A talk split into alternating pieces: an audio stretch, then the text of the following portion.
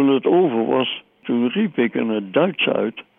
Das ist für Rotterdam. Schweinhoende. Eerlijk waar, dat heb ik gedaan. Deze week krijg ik een gesprek met de in Canada wonende André Hissink. André is 103 jaar geleden geboren in Batavia, Nederlands-Indië, en heeft tijdens de Tweede Wereldoorlog gevochten voor onze vrijheid. We hebben afgesproken dat ik al mijn vragen mag stellen en hij zelf mag bepalen of hij daar antwoord op wil geven. Het werd een openhartig gesprek.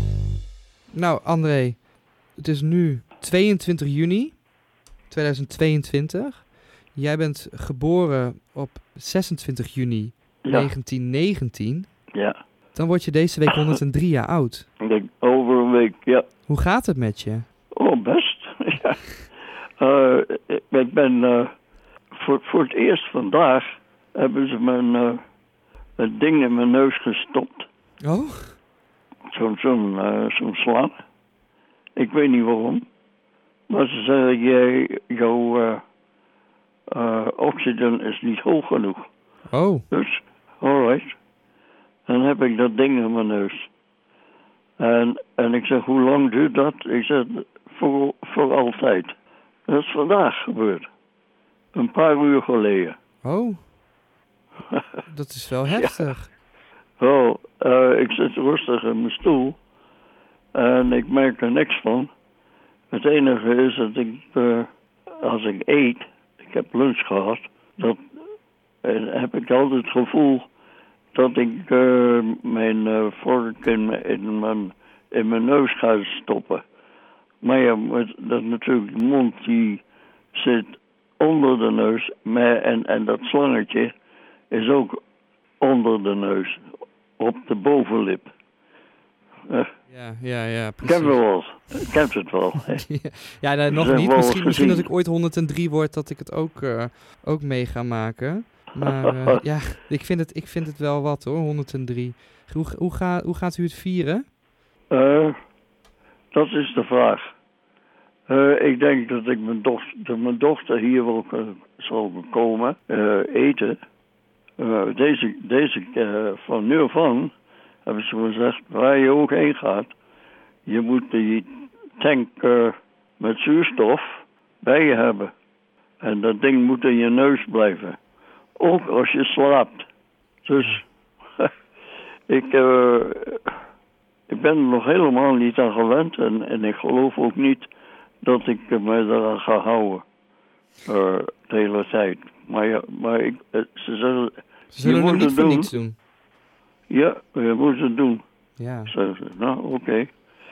Dan proberen we het maar. Je, je noemde zuurstof net al eventjes oxygen. Hè? eh, dat, dat, Ja. heeft, eh, dat heeft ermee te maken dat u in Canada woont.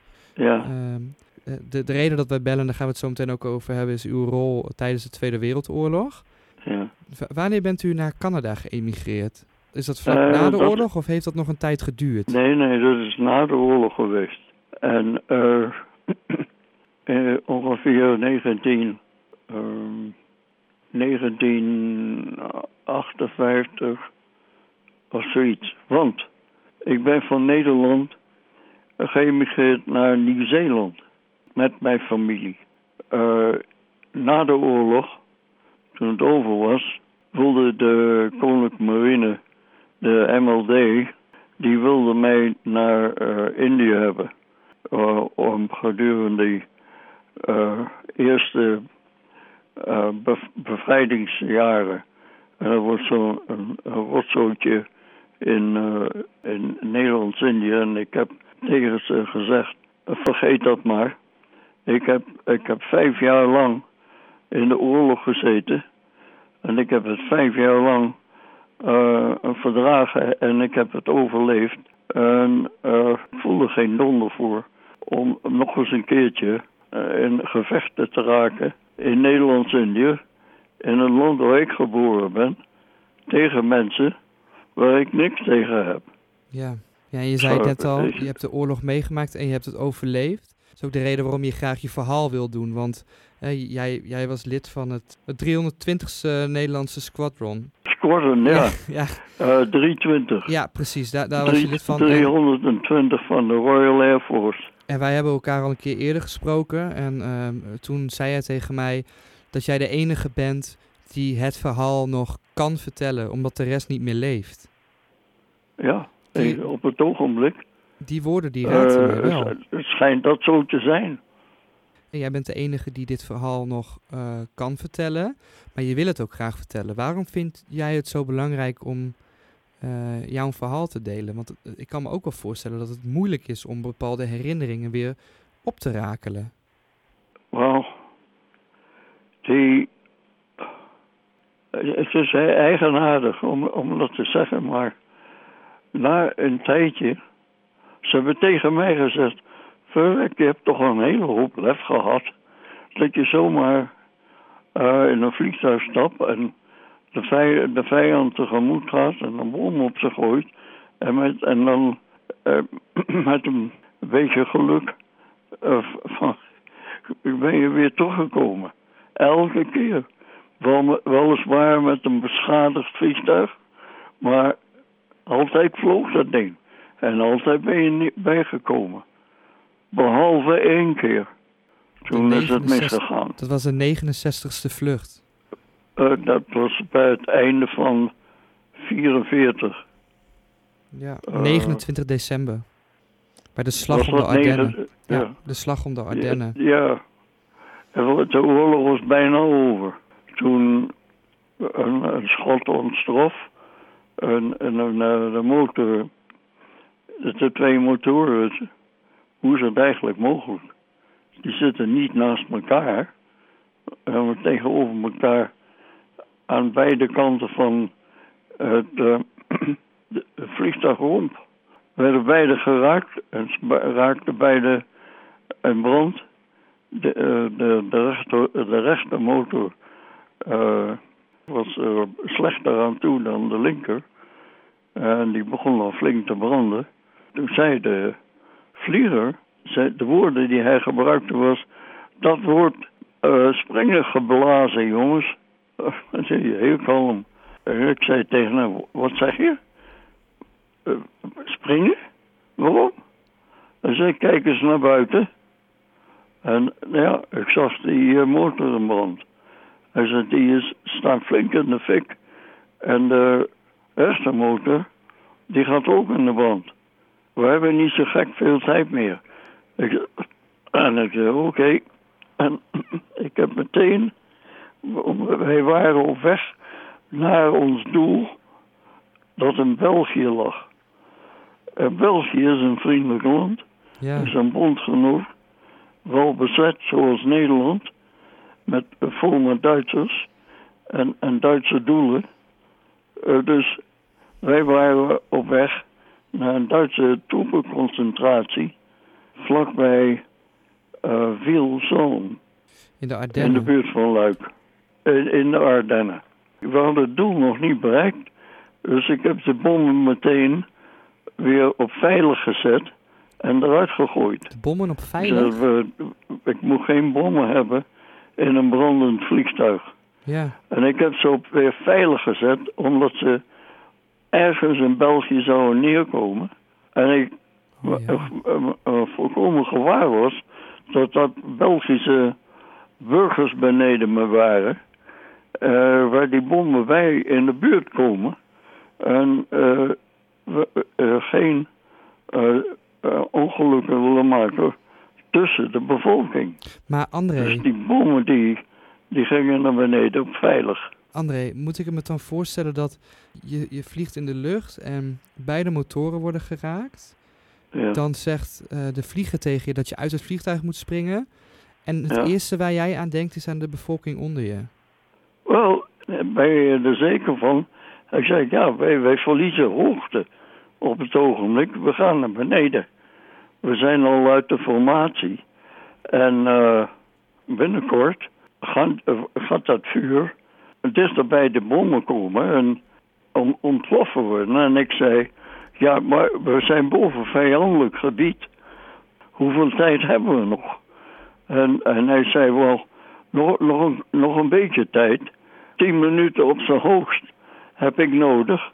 Dan ben ik er zeker van dat we boven eh, vrij eh, gebied zijn. Bij Luik. Eh, dat was al bezet. door, door de troepen. Ja. Maar ons doel was dieper in, in België nog. En wij moesten daarheen om een troepenmacht van de Duitsers aan te vallen. En, en te, daardoor te voorkomen dat ze een aanval zouden kunnen doen op, op de buurt van Luik. Dat was ons doel. En wij daarheen. En toen we in de buurt waren, eh, zei hij tegen mij, of tegen ons in het vliegtuig, dat we zouden moeten springen. En toen heb ik gezegd, eh, hoe lang nog? En meteen, dat was het eerste wat ik da- was, dacht, weg met die bommen.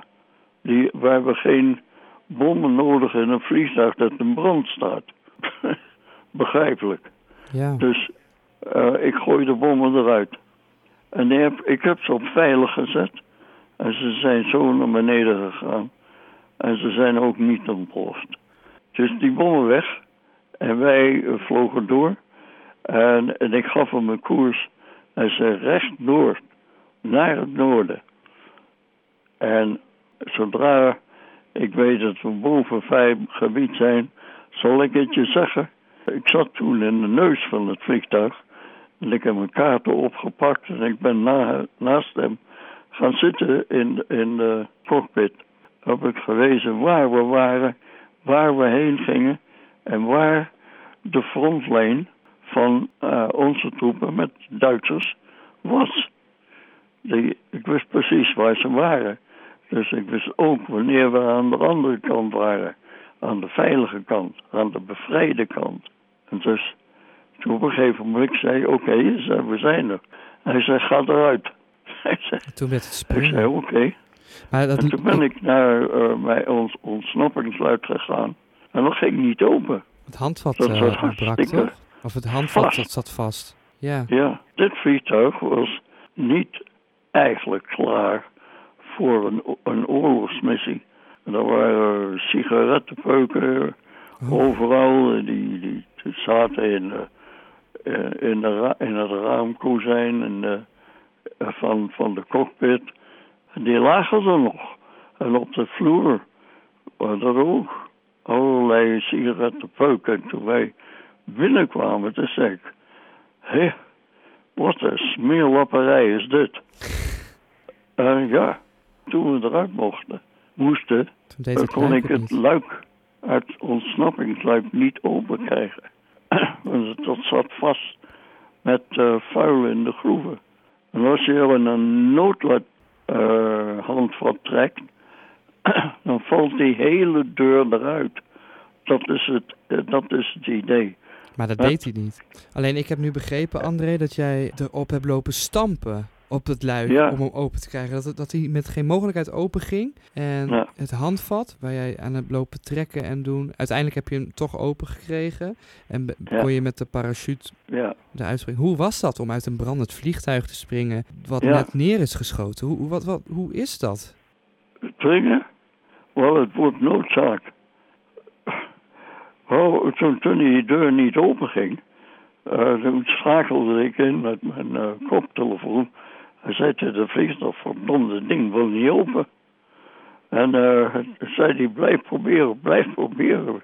Het was onze nood, een nooduitgang. Je leven hangt dus, ervan af. ik ben, ben er op gaan staan en ik heb gesprongen. En uiteindelijk heb ik mij ook vastgehouden aan de balken boven mij. Om met mijn voeten naar beneden te trappen. En dit luik eruit te krijgen. En dat lukte niet. En dat rapporteerde ik wel. En hij zei, doorgaan. dus ik, ik ging blijven springen. En plotseling, plotseling, viel het eruit. En zat ik op een uh, achterwerk op het randje van, van de deur. Uh, van het open luik. Benen buiten. Dus daar zat ik. En toen heb ik me weer ingeschakeld. En ik heb gezegd, hij is open. Hij zei, eruit met jou. Ik zeg, goed. En ik stond erop. En uh, toen hoorde ik van achter, uh, van de, een van de schutters roepen... Nog niet, nog niet. Ons luik gaat ook niet open. Nee. Wij komen naar voren. naar voren gaan in dat vliegtuig is, in, uh, in elke brommerwerper, is dat uh, zo niet zo makkelijk. Want die bommenruimte die zit tussen de twee compartimenten in. Van de vliegers voor en de, en de schutters achter. Tenminste in ons vliegtuig. Ja. De, de Mitchell. Uh, de B-25. Nou, uh, toen ik dat hoorde, toen mijn benen weer ingetrokken, wij gaan staan en, en keek door het gangetje boven de bommenruimte die we hadden uh, naar achteren. En ik kon uh, een van de schutters zien dat hij al halverwege in die tunnel was. Uh, en dat is niet zo hoog. Dat, dat is misschien drie kwart meter vierkant tunneltje boven de bommenruimte die van voren naar achter gaat. is meer als een inspectieluik, niet als een, uh, een communicatiegang nee. bedoeld. Hij zat in dat gangetje. Had je het gevoel, André, dat ze in paniek waren? Want ze konden natuurlijk geen kant op. Nee, nee. Het is weer een teken dat dat vliegtuig niet klaar was voor deze vlucht. Ik moest er natuurlijk uit. Ja. En toen stond ik uiteindelijk weer met mijn benen in de ruimte achter de cockpit. Maar zoveel ruimte is er in een bommenwerper niet. Dus ik stond wijdbeens boven ons luik.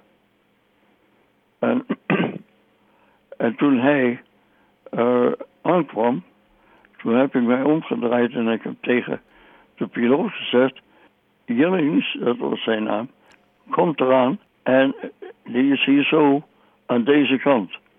En die andere, nou, dat was Dekker. Dekker hoe, hoe kwam. Jillings zei, die is, die is nog achter. En ik heb hem een sein gegeven om naar voren te komen. Ongelukkig geweest, deze man was uh, zwaarder Ja. en uh, groter gebouwd.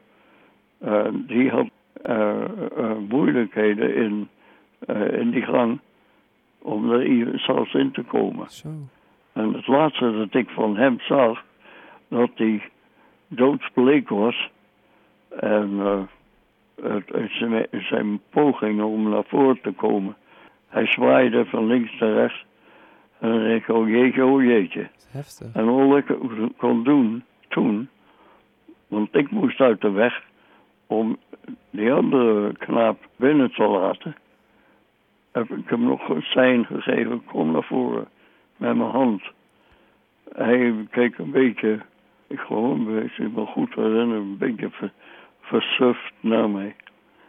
In ieder geval, uh, ik ben eruit gegaan en ik heb me toen gedraaid naar uh, de knaap die ik geholpen had. Ik zei, zorg ervoor dat hij erdoor komt. En hij knikte. Maar het is hem schijnbaar, schijnbaar niet gelukt. Want enige tijd nadat ik gesprongen was, uh, zag ik zijn parachute. En ik, en ik dacht toen, oké, okay, goed. Dat gaat daar goed. Het ging niet de piloot, zo goed. Uh, die, uh, die, die, begreep dat deze schutter van achter eruit gesprongen was. Keek om, gangetje in, zag niks, riep uit, allemaal weg, allemaal weg, over zijn koptelefoon. En als zij mij later vertelde, dus er was geen antwoord. En toen ben ik de, parachute, uh, de cockpit uitgekomen en uh, gesprongen. Ik heb uh, zijn parachute niet gezien, wel van die andere. Want toen ging ik de wolken in.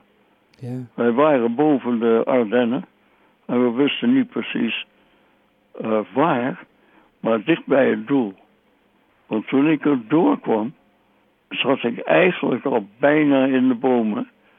en er was een, een meisje uh, liep daar en die hoorde en zag mij door die uh, de takken. Uh, die begonnen te kraken tussen ik hem inviel. En, en die zette erop een lopen. Die zei, oh jee, oh jee. die dacht, ik zijn de moffen weer. Nou, ik kwam op de grond. En toen stond de bewoner van het huis, die stond er al. En ik zei, RAF, RAF, Royal Air Force, zei ik tegen hem.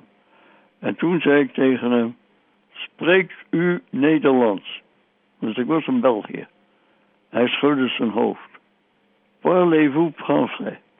En toen knikte hij zijn hoofd.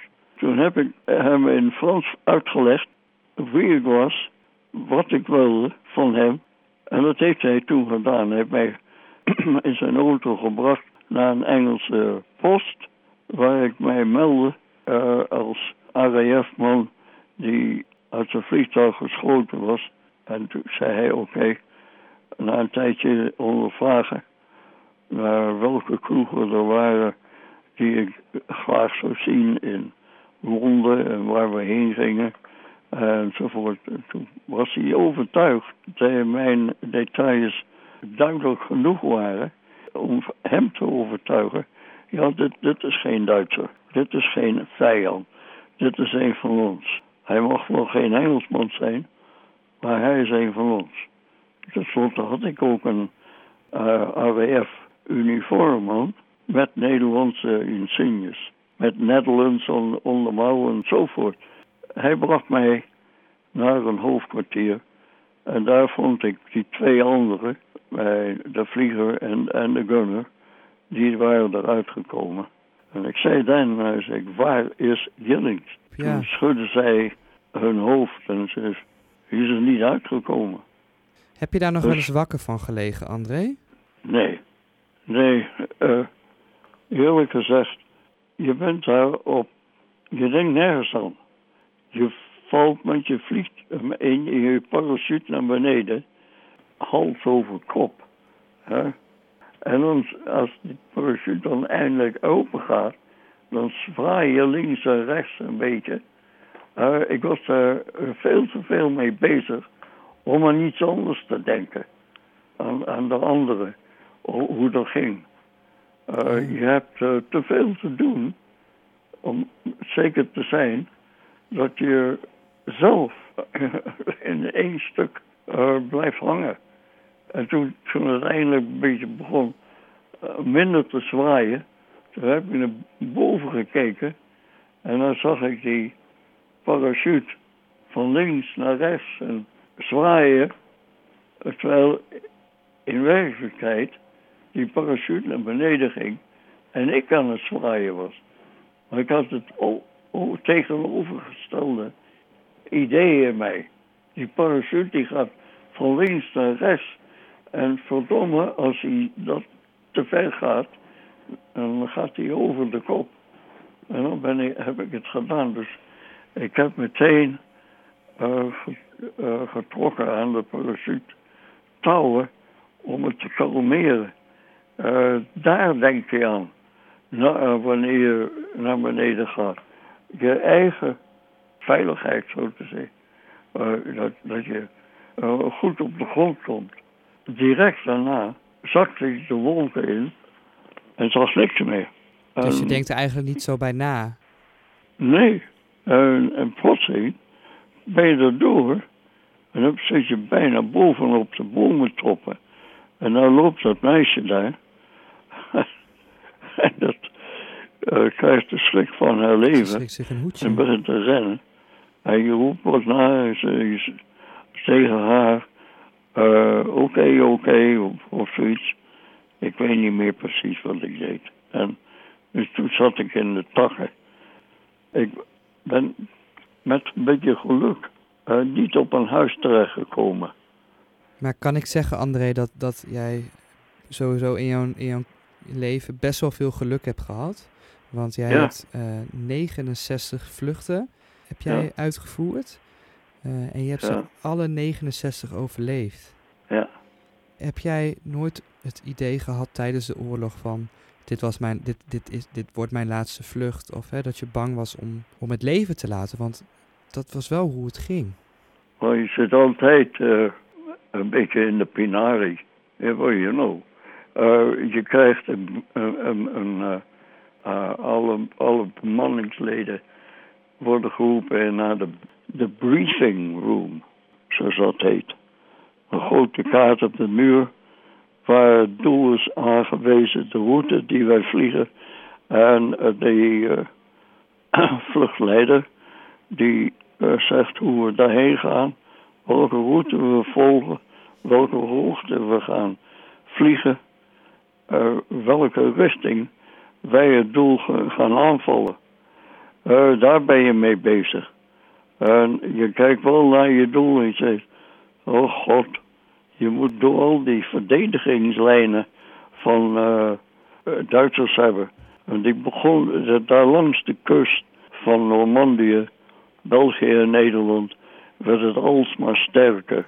Ik heb gelezen op het internet dat jij hebt gezien hoe de vliegtuigen voor jou uit de lucht geschoten werden. Hoe, hoe, hoe vlieg je er dan in dat, godsnaam dat was, naartoe? Dat, dat, je, vliegt in een groep vliegtuigen. En zoals wij dat volgen, zoals dat heette de Second Tactical Air Force, uh, vlogen wij in uh, groepen van uh, informatie van zes vliegtuigen. Eén na de ander. achter elkaar vlogen we dan naar zo'n doel. Dat was de wijze waarop wij dat deden. Want wat moest je precies doen? in een rijtje achter elkaar uh, vlogen we het Engelse kanaal over. De eerste vliegtuigen die konden al over Frankrijk zijn en beschoten worden. Terwijl jij nog boven Engeland zit. Veilig. Geen schoten kunnen je daar bereiken. Dat heb ik toen kunnen zien. Dat, je, dat je zelf klaarmaakt om je plaats in deze vlucht. Dat je nog in veiligheid bent maar de anderen voor je al in, uh, beschoten worden. Dat was beangstigend, want je ziet die ontploffingen van de granaten, van het afweergeschut, die kleine wolkjes die daar ontstaan na de ontploffing en blijven hangen en wegdrijven waar de wind ook heen, heen gaat. Maar ben je dan niet bang dat je het niet gaat overleven? Ja, dan, dan zit je toch wel eventjes even in de knijp. En dan, dan, moet je iets zeggen, ja, dan moet ik heen. Nou, die, die knaap die heeft pech gehad. Maar goed, hopen dat je zelf geen pech hebt. En je maakt jezelf wel klaar voor het geval dat je geraakt zou worden. Dat je nog de gelegenheid hebt om het vliegtuig te verlaten. Of het nou boven het kanaal is of boven land, waar dan ook, zolang je er levend uitkomt. Dat was je doel. Op dat moment. Je ziet dat vliegtuig naar beneden reizen. Zegt, oh, jeetje, arme sodemieter. En dan uh, weet je dat er zit vier man in die naar beneden gaan. Of met een beetje geluk nog de parachute kunnen gebruiken dat vliegtuig dat ik zag uh, brandde en uh, ging recht naar beneden. Dus er kwam niemand uit. Je, eh, je ondervindt dat meer. Dus mijn beste vriend, Bill Hamilton of Silverton Hill, die ik aan het begin van mijn diensttijd in Rotterdam leerde kennen. Dat is mijn beste vriend geworden die gingen op een vlucht en waar ik toevallig niet aan meedeed. Zijn vliegtuig werd bijna, bijna boven Normandië. Hij was, hij was nog zo'n beetje over de, de, de, de, branding en, de, en het strand. Het vliegtuig werd geraakt en ging naar beneden. Zijn, zijn, zijn lichaam is nooit gevonden. Maar twee van zijn bemanning is wel gevonden en die waren begraven uh, noord van Parijs op een Nederlandse begraafplaats En daar ben ik later, toen dat gebied al vrij was, Ja. en, en ben ik daarheen gegaan en eh, gekeken. Die twee die lagen daar, maar twee anderen eh, stonden op het marmer gegraveerd en op een plakkaatje tegen de muur waren hun namen daar. Dat is het laatste wat ik van Bill Hamilton heb.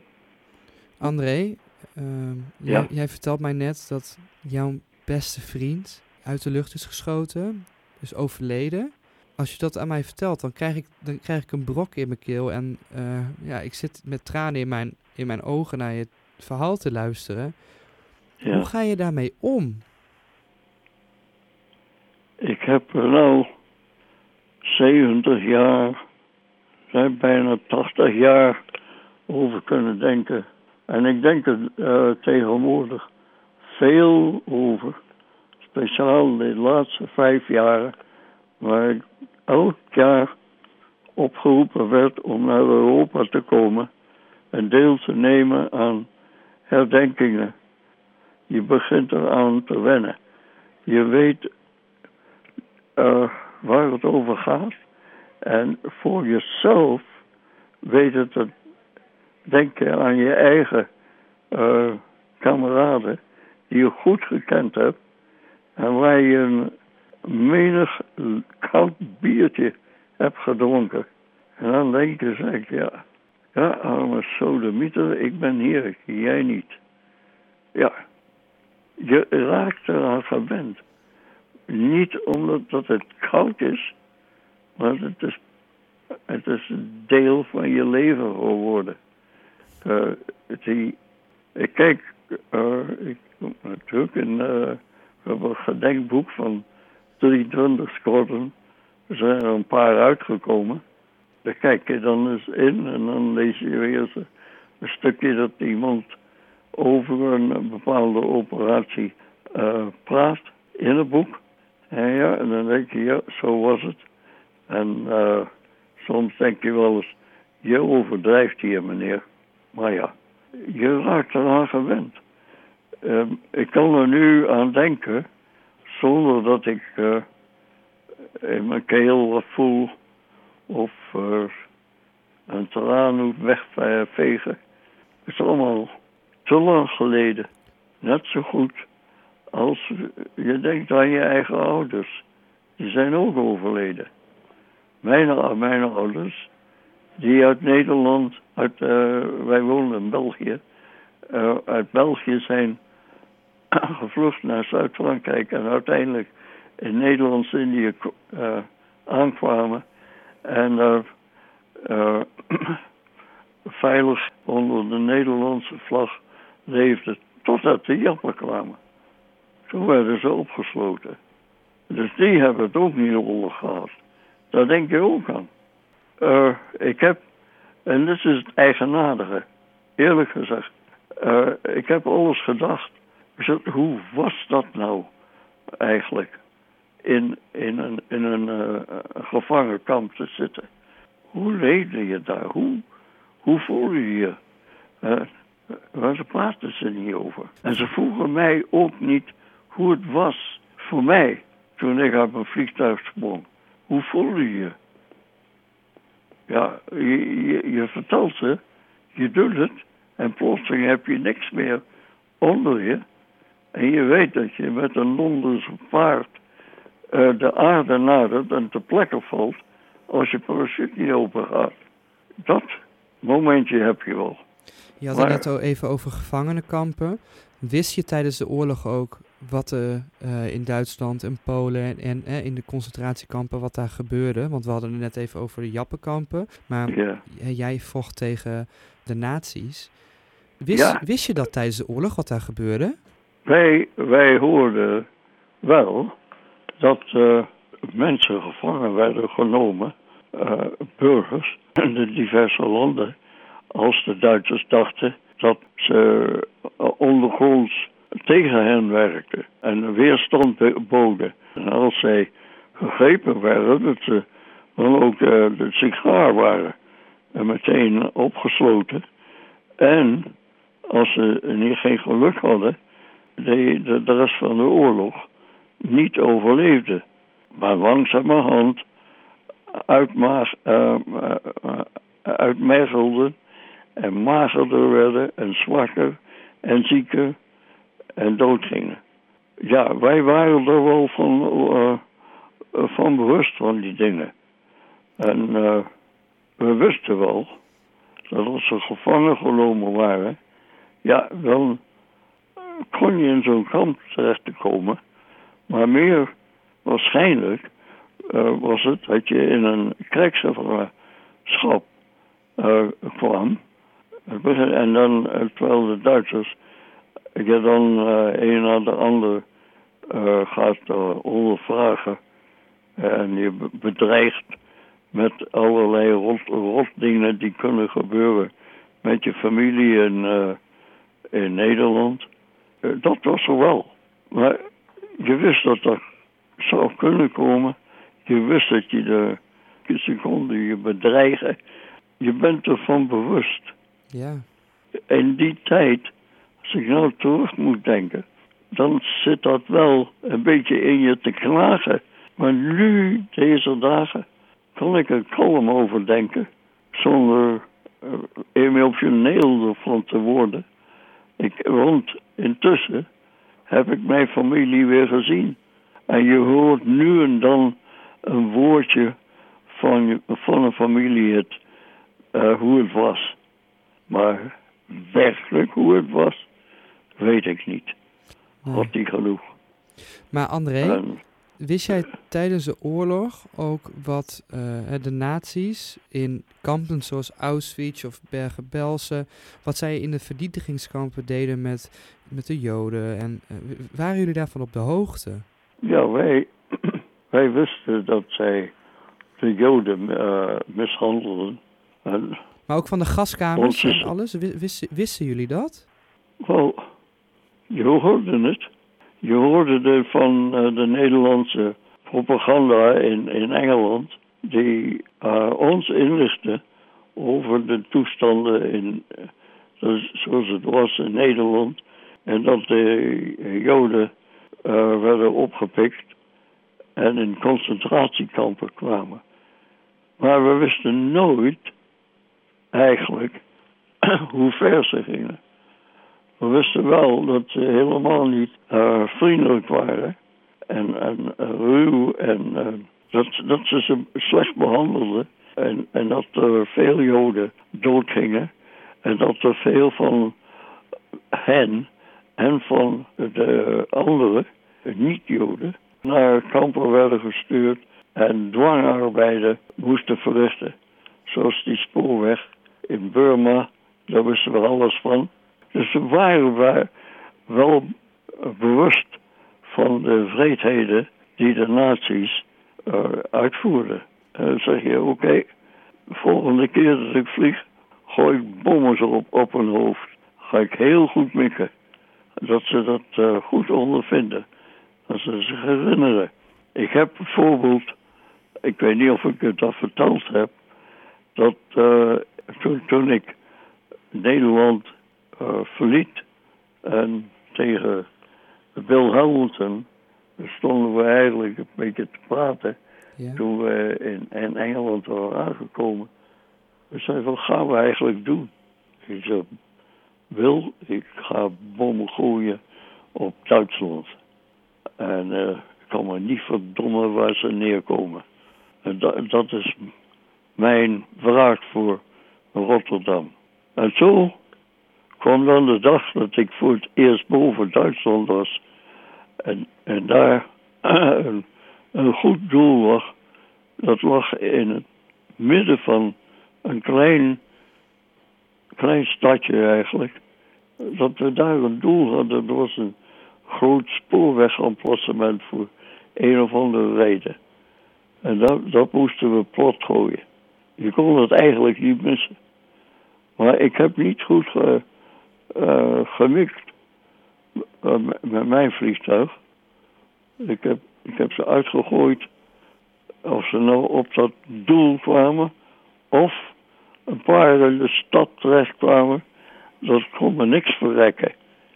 En toen het over was, heb ik mijn koptelefoon aangezet. En toen riep ik in het Duits uit: Das ist für Rotterdam. Schweinhoende. Eerlijk waar, dat heb ik gedaan. Daar was ik tevreden, tevreden mee.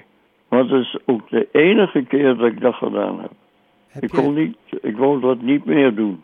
waarom Ik wilde je moest- dat ik niet meer moest doen? even iets rechtzetten. Ik kan me niet voorstellen hoe, eh, hoe dat is in een vliegtuig als je op het punt staat om een bom te laten vallen. En dat je weet dat, dat het misschien wel burgers raakt. Is dat iets waar je moeite mee hebt gehad? gehoopt. Je kreeg, wij gingen naar militaire doelen. Die werden ons gegeven. Emplacementen van een station, van spoorweg, van een vliegbasis, bruggen en, en, en dergelijke dingen. Militaire doelen.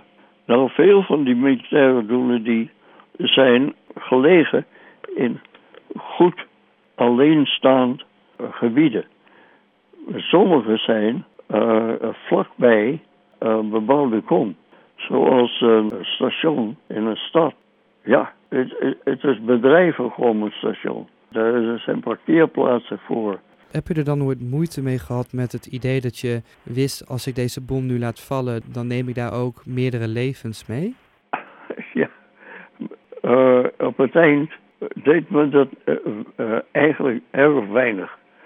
Want eh, ik vloog tegen Duitsland. Duitsland was mijn vijand. Duitsers daar beneden bezetten mijn land, maakten gevangenen van mijn misschien vrienden, wat dan ook. Duitsland viel ons aan, terwijl wij niks deden. dus ja, ik geloof niet dat de enigen waren die er anders over dachten. Wij, wij gingen naar Duitsland om hun schade te geven. Wij eh, gingen niet uit om Duitsers dood te maken. Dat was niet het doel. Het was die militaire waarde van het doel dat belangrijk was.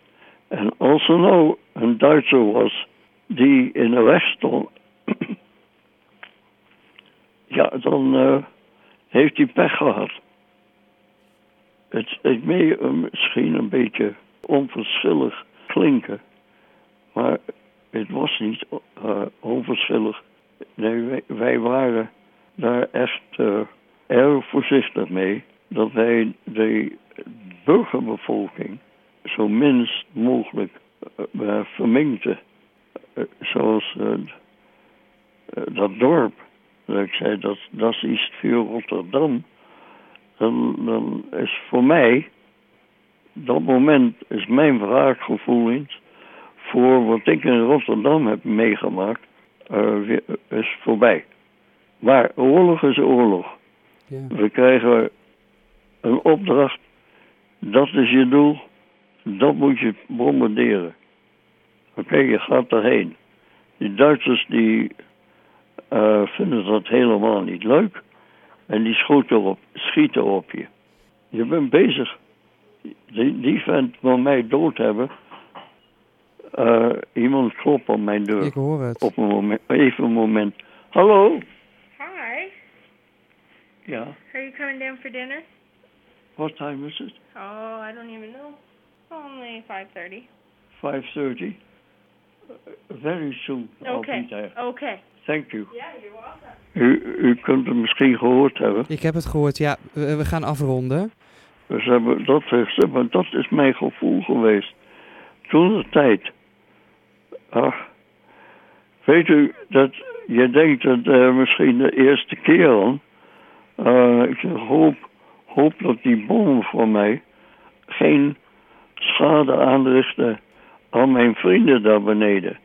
En dan komt de tijd, je moet naar een doel. En het is zodanig dat de Duitsers op dat moment zijn aan het terugtrekken. Ze hebben moeilijkheden. Je bombardeert ze zo vaak mogelijk als je kan. Als je, doel, als je bommen bovenop een goed Duits doel vallen. En zijn ze daar, er zijn een paar dode moffen daar. Dan zeg je, goed zo. Je hebt het weer eh, goed gedaan vandaag. Ja. Zo begin je te denken op het eind van de oorlog. Is dat ook een soort Ik- ik bescherming naar jezelf toe? Dat je zo wel moet denken, omdat het natuurlijk ontzettend heftig is wat je doet. Is het ook om, Ja. om jezelf te beschermen? Maar ja, kijk, in het begin ben je misschien wat, als je bom naast het doel valt en misschien eh, een paar huizen plat gooit, dan zeg je, oh die arme sodemieters daar. Eh, dan heb je even medelijden met ze. Maar ze zeggen, verdomme, ze hebben, ze- hebben dat ook gedaan in Rotterdam en in andere steden. En dan denk je daar wel aan dat je iets hebt teruggedaan voor een kwaad dat zij hebben be- zijn begonnen. Ja, en André, ze, ze hebben jouw beste vriend uit de lucht geschoten. Ja, ja, Ik denk dat iedereen die dit luistert eh, door het vuur zal gaan voor zijn of haar beste vriend. Ja, wel. Hij vloog op een dag dat ik zelf niet vloog. En het was na de eh, invasie in Normandië op de tweede dag dat zijn vliegtuig daar op de kust werd afgeschoten. En dan kom je terug op je basis en je gaat naar zijn kamer en je ziet dat eh, mensen die daar bezig zijn, bezittingen zijn aan het verzamelen zijn en terug te geven aan eh, zijn familie in Nederland. Ja, kijk je daarna en je kijkt naar die spullen van hem en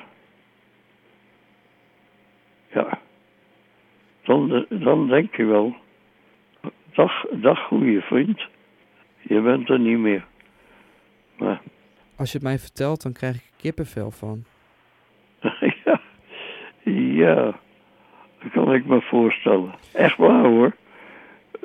Toen, toen Bill, eh, mijn vriend, afgeschoten werd, en en de volgende trip die ik maakte, maakte ik heel zeker van dat ik goed op mijn doel mikte. En zei, dat is voor jou, Bill. Nou, en dat is misschien een beetje raar? Dat je zo denkt. Maar dat, je voelt het.